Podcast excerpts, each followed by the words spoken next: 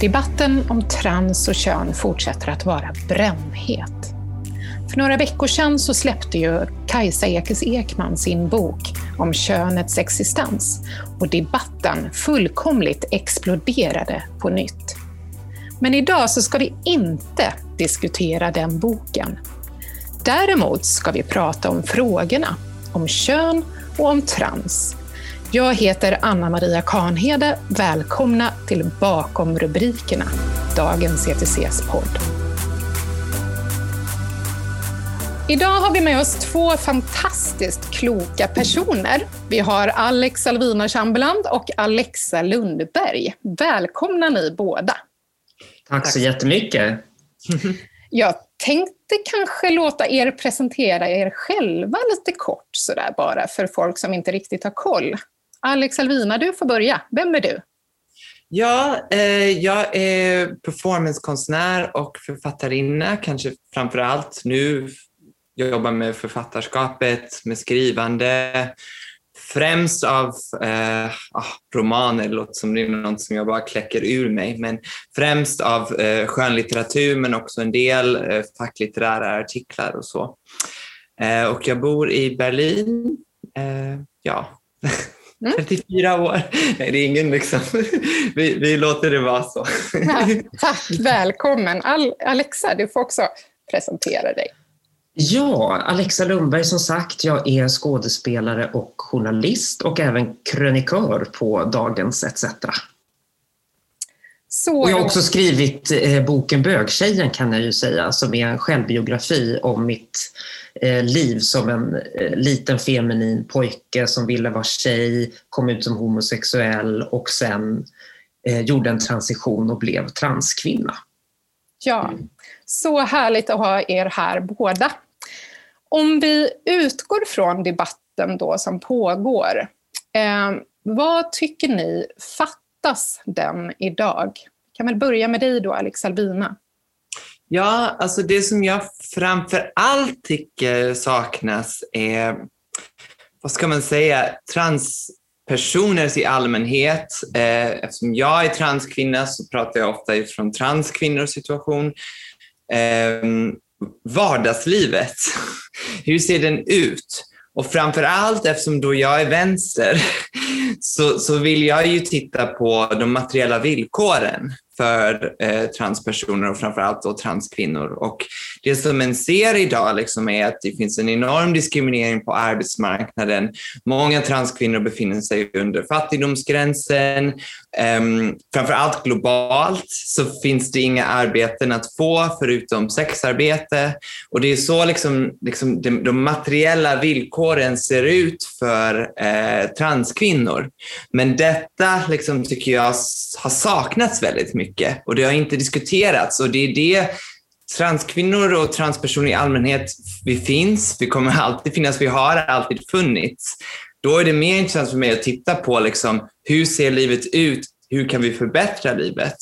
Och den andra frågan som jag personligen ofta pratar om, det är liksom relationen mellan straighta män och transkvinnor. Och det är liksom någonting som är laddat.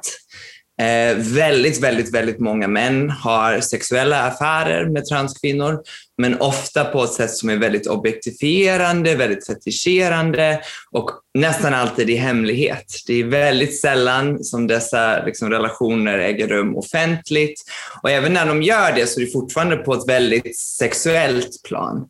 Och där menar jag också att, att Sverige på något sätt här saknar, här, nu är jag i Berlin, men också i, i, i, Tyskland, liksom, att nordeuropeiska män är faktiskt ofta mycket mer stängda för transkvinnor än män från andra platser. Och det tycker jag är någonting som ifrågasätter liksom det här med att västvärlden alltid är mest progressiv.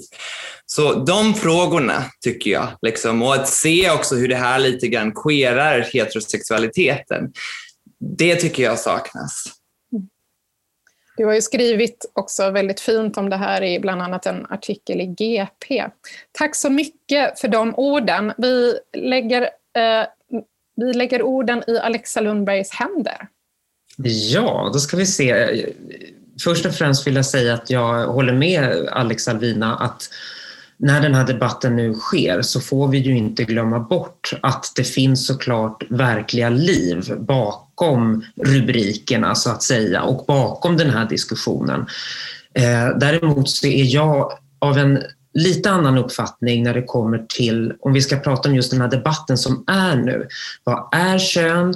Eh, vad menar vi när vi säger könsidentitet? Eh, vad innebär det att ha en inre könsidentitet som inte matchas med kroppen och varför ska kroppen göras om för att matcha den könsidentiteten? Eh, jag som transkvinna själv som gjorde min operation för över 20 år sedan eh, drabbades av en eh, något form av trauma efter den eh, operationen då hjärnan och kroppen inte längre samspelade så som jag var van vid. Jag gick in i en depression.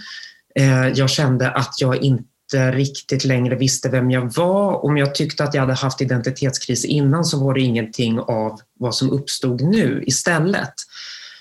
Eh, hade jag vetat det som hände mig efteråt så hade jag inte gjort den här operationen utan jag hade prövat.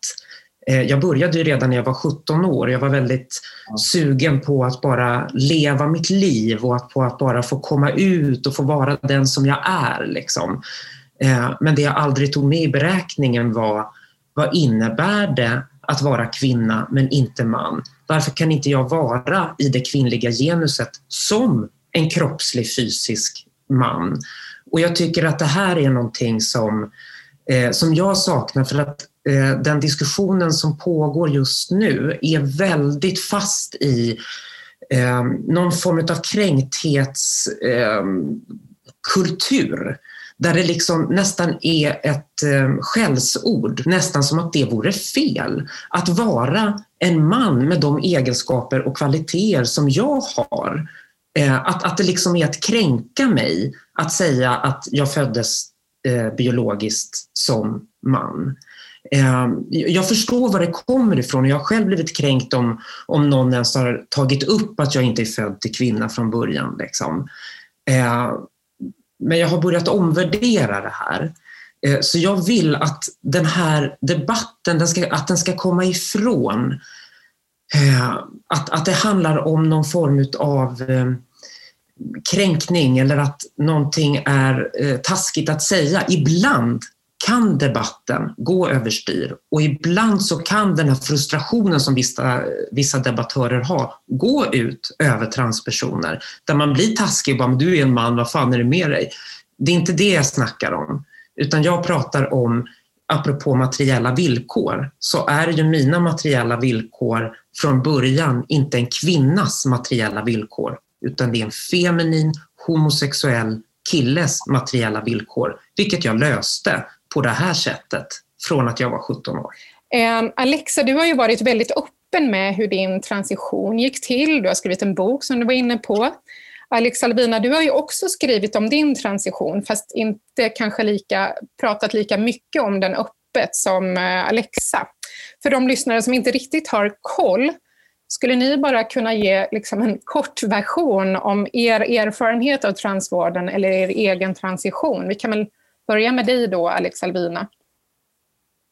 Jag kan säga kort först om, om, om grejen med transvård och det är först att hittills åtminstone så är ju de här eh, detransitionerande personerna en liten minoritet. Det tycker jag är viktigt att, att poängtera och för den sakens skull menar jag inte att det liksom är oviktigt att diskutera. Alla erfarenheter måste ju kunna få komma fram, men däremot så måste vi lite tala om hur de flestas upplevelser är. Um, sen så är det ju det alltså med väntetiderna, liksom det som jag tycker var väldigt bra i Tyskland, kan jag säga. Jag kan ju jämföra lite grann. Sverige har ju ett system där liksom, om du är um, trans liksom, så, får du, så ställs du först i en kö till liksom, att få vård. Och som jag har förstått det är den kön i de flesta städer i Sverige nu två år. Så att ens kunna börja en utredning tar två år från det att du har liksom förstått att du är trans. Och sen utredningen, den brukade vara förut som jag har förstått det liksom två, tre år. Nu har den förkortats till ett år eller kortare ibland. Jag har inte så bra koll på detaljerna i Sverige, det ska jag säga, men jag kan berätta hur det var för mig i Tyskland. Jag var väldigt säker på, att, igen, okej, okay, vi går tillbaka till hela min berättelse på något sätt. Um, jag kom ut först som transperson, som icke-binär, för tio år sedan i en väldigt liksom queer kontext eh, och förståelse av, av kön. Jag blev faktiskt skadad egentligen av motsatta grejen.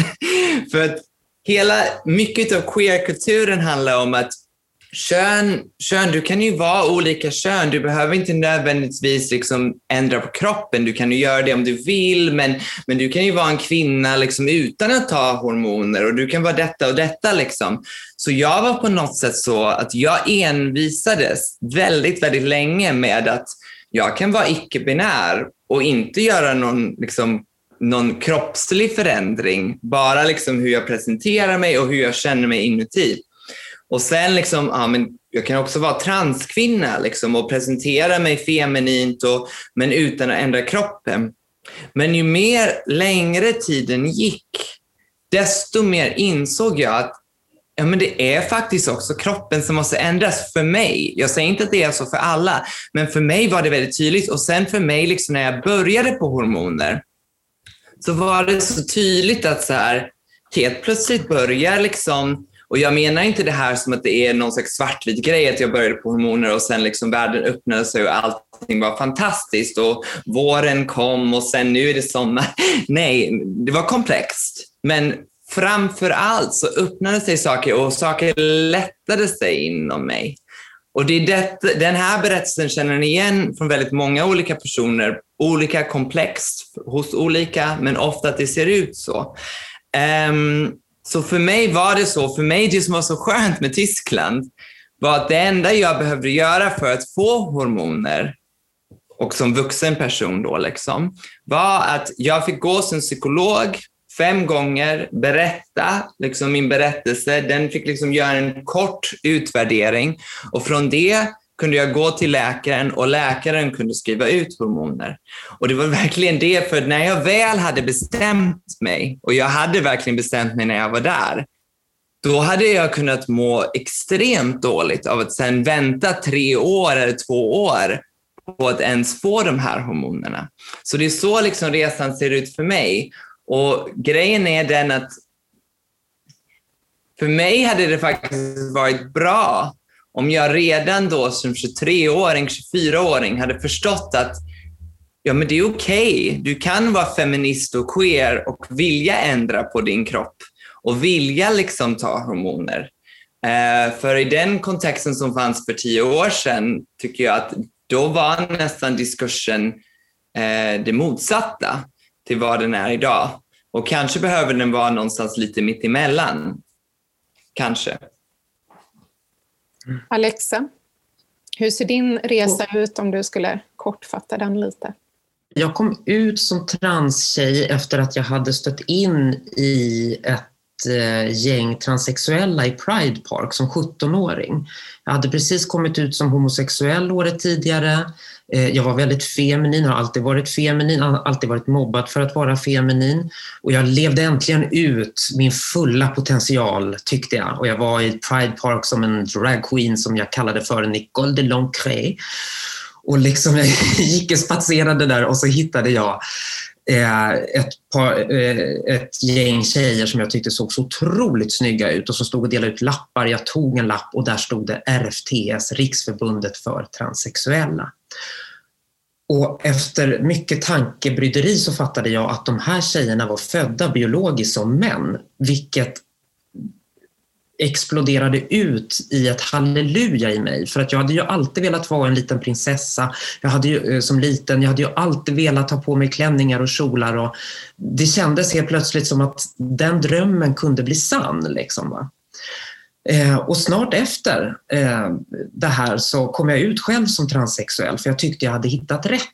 Tog tillbaka vid ett tillfälle men sen kom jag ut en gång till och då jädrans var det på riktigt och jag började könsidentitetsutredning. På den här tiden, alltså tidig, slutet på 90-talet, tidigt 2000-tal, då letade man fortfarande efter en inre könsidentitet under de här utredningarna. Eh, vad är det som gör att du är kvinna och inte man? Och det liksom gick utredningen i stort sett väldigt mycket ut på, att det skulle utredas. Kan jag inte leva mitt liv som den jag är i den kropp jag har? Det här sätter någonstans en mindset för, hos mig att jag skulle övertyga min utredare. Eh, efter ett år fick jag hormoner. Efter ytterligare två år blev jag beviljad att göra min eh, operation. Och då efter en läkarundersökning som jag förstått idag eh, är ytterst tvivelaktig och tveksam när de tog eh, på min kropp för att kolla efter anomalier. Jag fick en, eh, alltså min nakna kropp då, eh, och när de tog mig på snoppen för att, jag vet inte vad de kände efter där, men de gjorde det i alla fall. Eh, och jag fick en panikångestattack. Då förstod inom citationstecken min utredare Alexa, nu förstår jag att du är kvinna och inte man. En man vill framhäva sitt paket, sin penis. Han skäms inte över den. Eh, men du, du fick den här reaktionen. Jag tror på dig när du säger att du är kvinna. Det här eh, är ju någonting som jag har tänkt på väldigt mycket efter när, när jag började känna att jag inte blev hjälpt på det viset som jag trodde att jag skulle bli hjälpt av de här eh, hormonerna och operationerna så började jag tänka, vad ligger bakom det här tänket egentligen? Och hur tusan kom man fram till den där slutsatsen? Det är ju helt kokobanan. Eh, och det är ju såklart en del av att jag är tveksam eh, till eh, att behandla kroppen snarare än att få vara den man är i den kropp som man redan har. Men jag är inte absolutist. Jag tror inte att det är så att bara för att det var så här för mig så är det helt omöjligt att det är på ett annat sätt för någon annan. Jag tror inte det. Eh, och även om jag skulle tro det, så det ligger inte i min natur att liksom då, då tycker jag att det är helt omöjligt för andra människor att de har andra upplevelser. Nej. Eh, that's why I like discussions. Mm. Tack båda. Um, Alexa, du har ju upplevt att din röst eller din erfarenhet av både transvården och uh, av eh, din erfarenhet efter transvården att, mm. som transkvinna, att den inte riktigt har fått ta plats i transcommunityt i Sverige. Kan du berätta lite mer om vad du menar där, så vi förstår? Jag tror aldrig att jag har sagt det faktiskt, eh, med de orden. Eh, utan det är något, jag har berättat att jag blev utkastad från en grupp på Facebook. Jag blev inte ledsen av att jag blev utkastad därifrån. Jag tyckte däremot att det sa någonting om viljan att diskutera de här frågorna. Eh, även när man inte håller med varandra. Och med all önskvärd tydlighet så de här, det, det, har kommit ut fall efter fall som, som jag var inne på. Eh, den här detransitionerade kontaktpersonen som jag har som driver en sida för detransitionerade kontaktar andra detransitionerade, får historier från detransitionerade, känner till ett 40-tal fall från den här nya unga gruppen eh, Eh, kvinnor då, i, i, i de fallen är de ju kvinnor som vi, eh, gjorde om sig till killar, kom på att det här är inte vad det handlar om. Och, och antingen får de traumabehandling eller så eh, för ånger eller så detransitionerar de. Eh, och jag menar ett 40-tal fall, det är inte en liten siffra och speciellt inte från en ny grupp där evidens, man, man har gjort den pyttelilla evidens som finns har man gjort på oss eh, som har gått i det gamla systemet. Och den ångeststatistiken är inte uppdaterad sedan 2010. Mm. Alltså det finns jättemycket här att prata om och det finns en ovilja att prata om det, för man är rädd för att vården ska dras in för alla. Men jag tror, det här är det sista jag ska säga nu, jag tror att det är tvärtom. Om vi inte nyanserar nu så kommer de här uppenbara fallen som vi inte pratar om resultera i kraftiga restriktioner av transvård för alla. Så tror jag. Alex Alvina, du, jag tycker att det här är så intressant för att du har ju känt dig lite liksom, exkluderad eller utanför i bögvärlden efter att du som vuxen då har börjat började uttrycka dig själv mer feminint. Mm. Eh, så att medan Alexa känns lite utanför i transcommunityt så du, kände du dig innan din transition lite utanför i bögcommunityt. Kan du berätta om ja, lite. den alltså, erfarenheten? Ja, det är här jag menar liksom med det här med verkliga liv och verkliga erfarenheter. och liksom, Vården är jätteintressant att diskutera, men för mig är det lite av en sidofråga. För det som jag känner igen med de här enorma väntetiderna att ens få vård, liksom två år. Eh, risk, de främsta riskerna, och om vi tittar både i Sverige och utomlands, det är ju det att liksom människor istället för att gå till vården för att få sina hormoner och få sina eventuella också, alltså operationer får de, nej inte alltid inom officiell vård heller, så går de ju till inofficiella instanser, får liksom hormoner på DIY-väg, på sätt som kanske inte är hälsosamt. Samma sak med liksom silikonsprutor i rumpan och så vidare. Det är många som dör på det sättet. Och det är den risken som finns om vi inte ger... Jag tycker transvården behöver absolut mer resurser så att det görs på ett bra sätt. Och jag tycker absolut självklart men problemet här lite grann är så här, det är fruktansvärt om vården går in och säger, ja men det, det, där liksom, du måste vilja ha en könskorrigerande operation för du reagerade på det här sättet när jag tog på dig på det här sättet. Alltså det är ju någonting Egentligen är det så himla konstigt att läkarna alltid på det här sättet liksom kommer extremt ovanifrån när det egentligen är en, en känsla som kommer inifrån en individuell människa. Men det, det här är lång diskussion. Unfortunately har vi bara 40 minuter. Nu skulle vi prata om bögvärlden. um, jo. bögvärlden, jo. Så här, eh, så fort jag började uttrycka mig på ett könsöverskridande feminint sätt så var ju jag totalt avsexualiserad av bögvärlden. Det fanns ingen plats för mig där som eh, i att hitta liksom varken sexuella partners eller romantiska partners.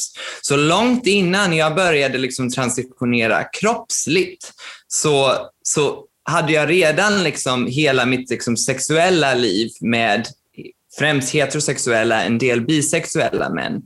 Eh, det som har förändrats i den romantiska grejen med att jag börjat ta hormoner är att nu är det fler liksom straighta män som kan tänka sig att träffa mig offentligt. Eh, jag har haft en pojkvän, det hade jag inte fått på, för typ åtta år. För att, liksom, att, att befinna sig i det här mellanförskapet innebär ett totalt utanförskap. Och detta är ju ett enormt problem. Mm. Eh, som jag menar inte riktigt går att särskilja från det här. För att om vi nu, om vi nu liksom, för att jag menar en del människor, jag tillhör dem, behöver korrigera kroppen för att må bättre. En del människor kanske inte behöver det.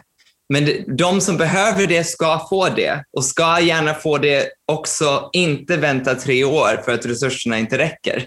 Ehm, men för de som inte vill korrigera kroppen, då måste ju samhället ändra på sig så att det finns någon plats för dem. Och det menar jag inte finns idag. Och det är mm. det jag menar också saknas i debatten. För det blir Exakt. någon slags symbolisk fråga om att så här, ja men liksom egentligen varför ska vi behöva ändra på kroppen? Varför kan det inte räcka att vara det här Ja, men varför kan inte samhället behandla människor som befinner sig i ett mellanförskapligt sätt eh, på ett humant, inte bara humant sätt, som människor. Mm. Man blir liksom avmänskliggjord när man befinner sig däremellan. Mm. Eh, framförallt om du är liksom från början liksom föddes som, som kille inom situationstecken och liksom sen uttrycker det könsöverskridande feminint. I mitt fall behövde jag verkligen ändra kroppen. Det är det enda jag kan säga. Jag kämpade med det här skitlänge liksom och var så här, ja ah, men eh, behöver jag egentligen ändra på kroppen eller är det bara liksom samhället? Är det? Men sen så fort jag började på hormonerna, igen, allting är inte perfekt. Mitt liv är liksom mm. inte där guld och gröna skogar, men, men jag är mycket gladare i min kropp än vad jag var innan. Och som sagt, det är det jag känner igen från de flesta från, näst, från, från alla transpersoner jag pratar med personligen. Men som sagt, eh, alla berättelser måste ju få komma fram. Mm. Sen kan vi ju diskutera, alltså jag tänker att många inom transvården kanske saknar viss kompetens eh, och den måste ju förbättras. Så mm. det finns ju vissa platser, även om jag är jätteoenig i många frågor med, med, med till exempel Kajsa Ekis Ekman, så finns det ju kanske liksom vissa frågor där, där vi ändå går ihop. Ehm, mm. Eller så gör vi inte Jag vet inte. Som sagt, hon är inte här så vi kan inte... Nej, men får jag, får jag bara lägga till? Eh, jag tycker, för där är jag helt enig med dig, eh, mm. Alex Alvina. Eh, att det måste komma till en diskussion vad vilken plats har människor som inte passar in i de givna genusmallarna i samhället och hur kan vi skapa den platsen? Jag har precis samma erfarenhet som dig när det kommer till att vara en väldigt feminin, genusöverskridande bög i bögvärlden. En av mina första erfarenheter när jag gick ut i drag på en klubb, en bögklubb alltså, eller en gayklubb, eh, sent 90-tal, det var att en liksom björnig snubbe, bögkille kom fram och sa till mig du är så jävla dum i huvudet. Jag ville bara att du skulle veta det. Alltså, det finns, det har funnits ett sånt förakt mot feminina... Feminitetsförakt inom bögvärlden, extremt. Och den frågan diskuteras knappt och det är väldigt synd. Vi diskuterar den i min och Christian Kaspersens podd Ytspänning ska jag säga. Så att den som, den som vill höra på sådana grejer får gärna logga in där och lyssna lite. Får jag fråga då en kort fråga bara till er båda. Det är så intressant här nu att ni har hittat, eh, hittat liksom en fråga att enas eh, kring. Eh, men det, vet, man... det har vi vetat hela tiden. Vi har ju träffats förut Alexandrina ja, ni... och vi gillar varandra alltså, ska ja. alla veta. Ja. ja. Eh, men om då, det här är också en fråga som brukar ploppa upp i debatten eh, på, med jämna mellanrum, men jag ställer den igen för jag tycker ändå inte den är helt dum. Eh, om eh, under, under den perioden ni gjorde era transitioner, om vi hade levt i ett samhälle utan så rigida könsroller, utan stereotypa könsroller, där man var och en då fick agera mer fritt utifrån precis så man kände sig själv. Hade ni behövt ändra er kropp, eller hade ni ändrat er kropp då? Jag börjar med dig, Alex Albina. Um, ehm, Ja, om vi tittar på ett filosofiskt plan är det det här liksom behov. Liksom. Jag, vet, jag vet inte till exempel om jag tillhör dem som skulle tagit livet av mig om inte jag fick ändra kroppen. De finns ju också. Um, det är värt att säga. I mitt fall kan jag däremot säga att jag var faktiskt, ja, alltså nu när jag vet liksom vilken liksom glädje jag fick av att liksom hyn blev mjukare, av att liksom fettet omfördelades på ett mer feminint sätt på min kropp, liksom håret blev tjockare. Liksom. Hur, vilken lycka de här sakerna gav mig. Det skulle jag liksom inte vilja ge tillbaka, för det, det har betytt jättemycket för mig. Och jag har hela tiden innan, upp till den här punkten, och som sagt igen, jag var transperson i åtta år innan jag började ta hormoner. Och under hela de här åtta åren, hela tiden liksom kämpa med att liksom raka hela kroppen för att liksom, och sen kommer hår tillbaka och sen liksom hela tiden liksom vara i en kamp mot min egen kropp för att den ska vara lika feminin så att jag kan överhuvudtaget liksom känna att jag kan gå ut genom dörren och liksom känna mig okej okay på stan. Att den kampen har liksom lättat sig och att jag kan känna mig liksom vacker i min egen kropp. Ibland liksom, till och med utan att ta på mig någon smink utomhus. Det är helt fantastiskt. Eh, och Så för mig skulle jag vilja säga att ja, mitt liv hade förmodligen inte varit så fylld av trauman, både innan och efter eh, hormonerna vill jag säga, om vi inte hade levt i ett så liksom, sexistiskt, transmisogynt, transfobiskt samhälle. Absolut. Men till syvende och sist så är det här kroppsliga också, var det väldigt viktigt för mig. Och det är där jag menar att både liksom queerdebatten för tio år sedan och den här liksom mer radikalfeministiska debatten missade någonting och det är det som till exempel Judith Butler har erkänt själv. Liksom, hon säger att när hon skrev i början på 90-talet så insåg hon, hon tog inte med liksom att för vissa personer så är det här kroppsliga också en väldigt viktig sak att ändra på. Och jag tillhör dem och väldigt, ja, väldigt många är vi ju inte. Det är inte som att vi är 50 procent av befolkningen. Men en icke liksom eh, väldigt liten grupp som, som, som känner så. Mm. Alexa, vill du lägga till någonting? Eh, ja, alltså jag har ju också de där erfarenheterna av att eh, känna någon form av eufori och lycka när, jag liksom, när min kropp började förändras, när min hy började förändras, när jag började bli tagen som kvinna på stan och sådär. Liksom, och, eh, även efter operationen, det är ju inte så att någonting är svart eller vitt, att jag bara gick från oj, gud vad hände? Jag fick ett trauma i kroppen, definitivt. Men Men eh, jag var också lycklig eh, under lång tid. Eh, så, så liksom mitt perspektiv är att, att det liksom med tiden så har det liksom klingat av. Det har bara blivit vardag liksom sådär, va? under de här 20 åren såklart. Och, och då eh, har det blivit mindre och mindre viktigt. Alltså mitt människovärde ligger inte i att jag tillhör ett visst kön. Eh, kalla mig för ett blinkande stoppljus om ni vill. Det är helt okej. Okay. Alltså, det bekommer mig inte. Jag är trygg i den jag är. Men absolut, eh, så, så eh, som sagt, jag, jag vill inte ta bort vården från någon, men jag skulle vilja lyfta eh, vad eh, vissa detransitionerade säger och det är att de vill se ett samtal som handlar om könsdysfori på ett lite annat sätt för att de har också känt den här euforin som jag kände. De har också känt att de gick åt rätt håll och de har också kämpat för sina operationer.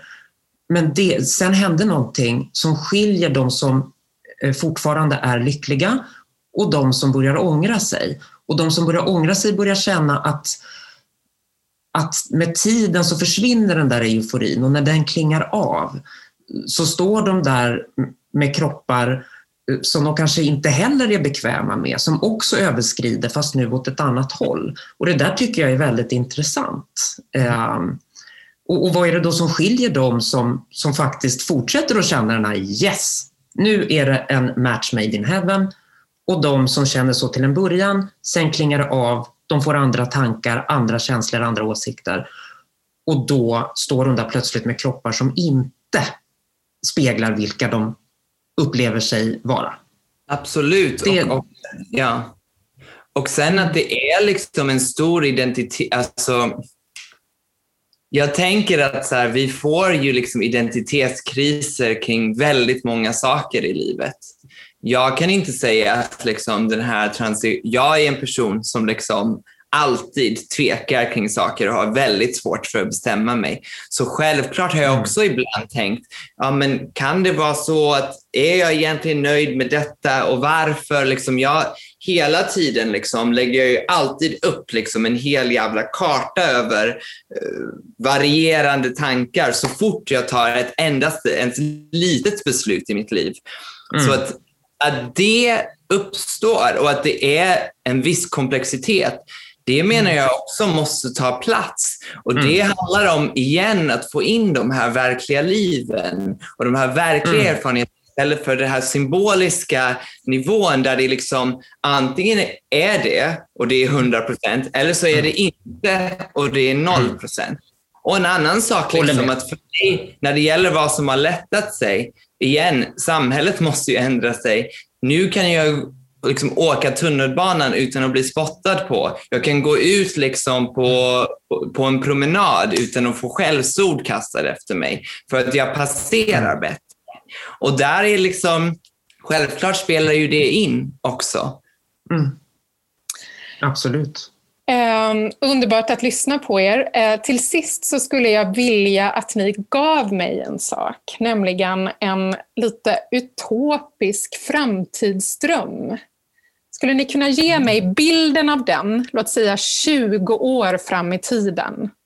Om man tänker på det vi har pratat om idag, hur skulle din bild se ut? Vi kan börja med dig, Alexa. Med mig? Mm. Eh, oj, eh, ja men då tänker jag, det första som ploppar upp i mitt huvud när du ställer den frågan, eh, det är sociala medier. Eh, och de här filterbubblorna som vi så lätt hamnar i. Vi får information hela tiden.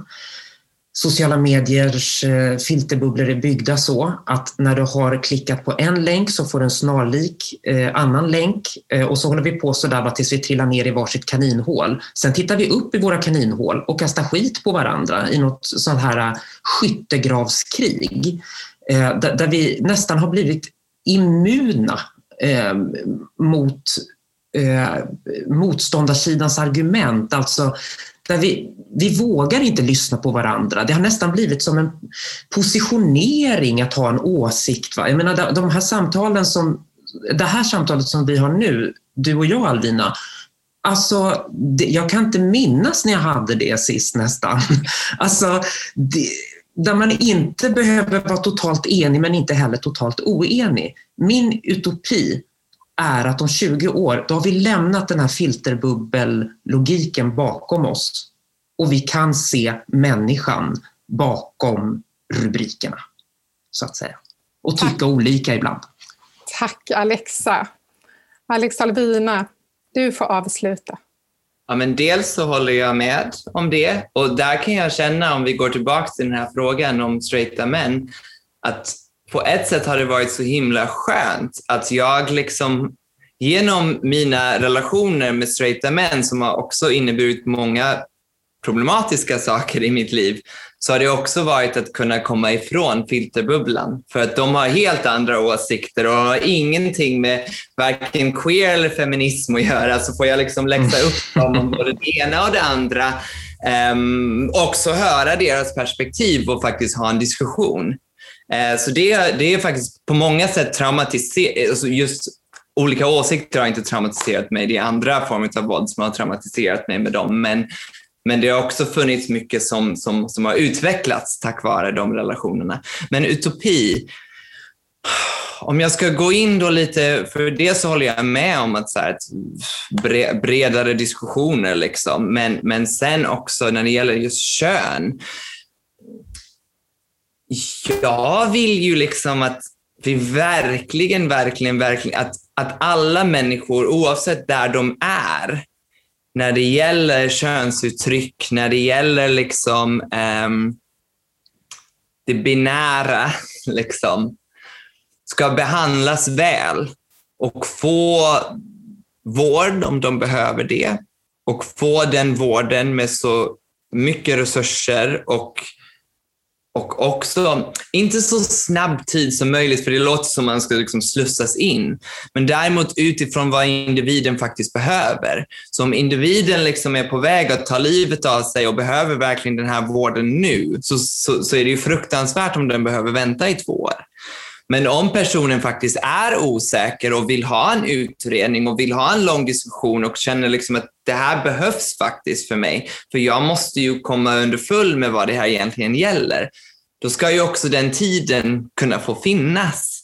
Och om sen den människan på vägens gång förstår, ja men jag vill nog inte ha vård, ja men då hoppas jag att den kan leva i ett samhälle där om den befinner sig fortfarande emellan liksom könen, att den ska faktiskt liksom på alla sätt, från liksom arbetsmarknaden till hur den behandlas ute på gatorna, till det romantiska livet, det sexuella livet och så vidare och så vidare, faktiskt kan leva ett levbart liv och inte att den är helt inskränkt.